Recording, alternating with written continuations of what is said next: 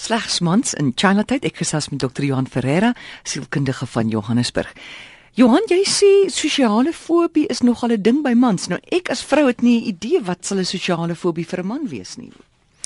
'n Sosiale fobie of sosiale angs is nou maar wanneer 'n persoon in kontak kom met ander mense dat hulle angsvlakke so hoog geraak dat hulle nie kan funksioneer nie dat hulle hulle self of uit die situasie uit onttrek of waar hulle die situasies dan aktief vermy omdat die angstigheid wat hulle beleef om met mense te gesels, om met mense kontak te maak, gewoon net te hoog is. Maar dit kom seker by vroue ook voor? Dit kom by vroue voor. Dis net vrouens is baie meer geneig om behandeling daarvoor te soek as mans, want mans voel mos nou maar hulle moet dit self hanteer. Teen die tyd dat mans gewoonlik by 'n terapeut of 'n dokter uitkom oor sosiale angs of 'n sosiale mm. fobie, dan het dit al vir jare, jare in hulle lewe gemanifesteer en voel hulle eintlik totaal hulpeloos daaroor en hulle voel dat hulle dit nie kan hanteer nie. Dit kan nie beter word nie. Praat ons hier van 'n skaam mens?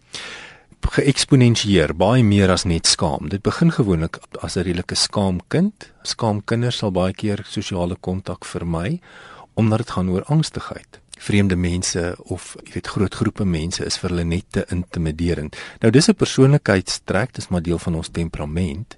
Wanneer dit in in sosiale angs of 'n sosiale fobie oorskakel is wanneer dit die persoon se normale funksionering begin beïnvloed. Hulle kan nie vriende maak nie, hulle wil nie tussen mense wees nie, hulle kan nie effektief by die werk funksioneer nie bloot as gevolg van hierdie patologiese vlakke van angstigheid.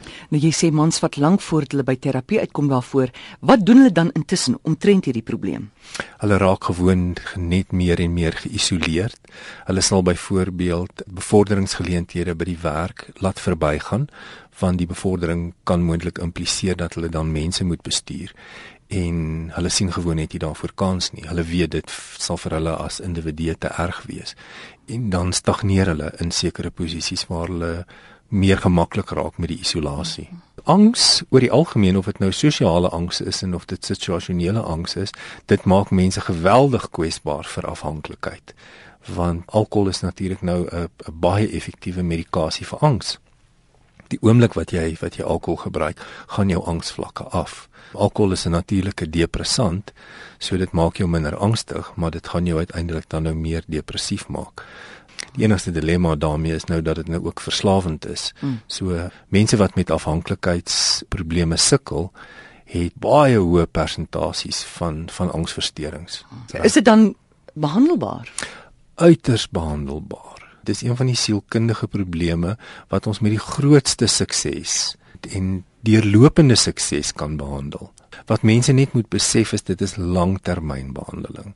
Jy weet die brein moet geleer word om die die angstigheidssimptome, jy weet die brein moet geherkondisioneer word daarmee en dit doen ons deur middel van medikasie, baie effektief en natuurlik onmiddellik.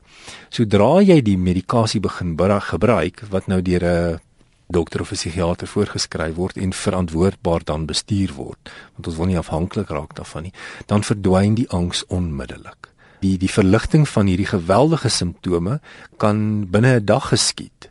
Dan moet ons in 'n sielkundige proses tree om die persoon dan te help om die afwagting van die angs, die antisiperende angs praat ons van, um, aan te spreek, sodat ek nie meer bang is om kontak met mense te hê nie want dit gaan dan die angs veroorsaak. So as ons die regte medikasie gebruik, skakel ons die fisiologiese simptome van die angs af, die knop op die maag, die benoudheid, die sweterige hande, die hart wat vinniger begin klop en dan stuur die brein die boodskap ook, maar ek beleef nou nie meer angs nie. Nou moet ons dan nou die persoon se sosiale gedrag aanspreek.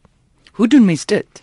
Deur 'n terapeutiese proses en dis maar hier waar waar vrouens meer geneig is om die proses te betree. Mans wil, jy weet, 'n vinniger oplossing hê, maar hulle moet maar besef, jy weet as jy 'n langtermyn angsversteuring in jou lewe het of jy het 'n sosiale fobie, dan kyk ons effektief na 'n minimum van 5 jaar behandelingsplan. Die intensiteit van die behandelingsplan bly nie weekliks nie, maar uiteindelik lae intensiteit langtermynbehandeling wat uiteindelik totaal simptoomvry kan wees en en die prognose vir 'n volledige herstel is baie goed. Maar jy moet jou behandeling voortsit. So gesels Dr. Johan Ferreira, sielkundige van Johannesburg.